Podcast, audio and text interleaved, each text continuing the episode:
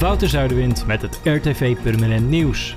De derde verdieping van Q-Park Egert is vanaf morgen weer open na een grote verbouwing. Er komen daarmee 125 parkeerplekken terug in het centrum.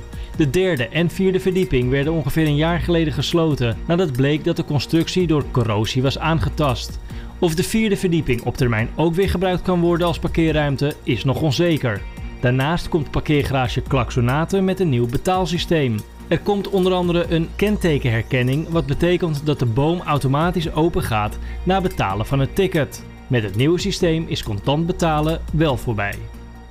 De 53-jarige Jenna B. uit Purmerend mag vijf jaar lang geen contact opnemen met haar ex-vriend, diens nieuwe partner en haar kinderen.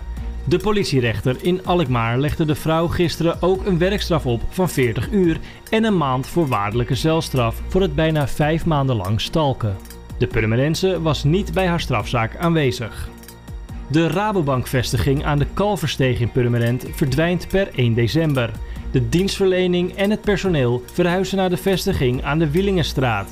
Onder meer het aflopen van het huurcontract, de toename van het aantal automaten van geldmaat en de verdere digitalisering hebben volgens een woordvoerder geleid tot het besluit de vestiging aan de Kalversteeg op te heffen.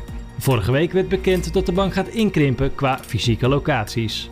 En stichting Zo Goed van initiatiefnemer René Verhoogd begint een winterinzamelactie. Voor dak- en thuislozen is de stichting op zoek naar bruikbare mutsen, sjaals en handschoenen. Deze kunnen worden ingeleverd aan de Johan Wagenaarstraat 65 op zaterdag 28 november.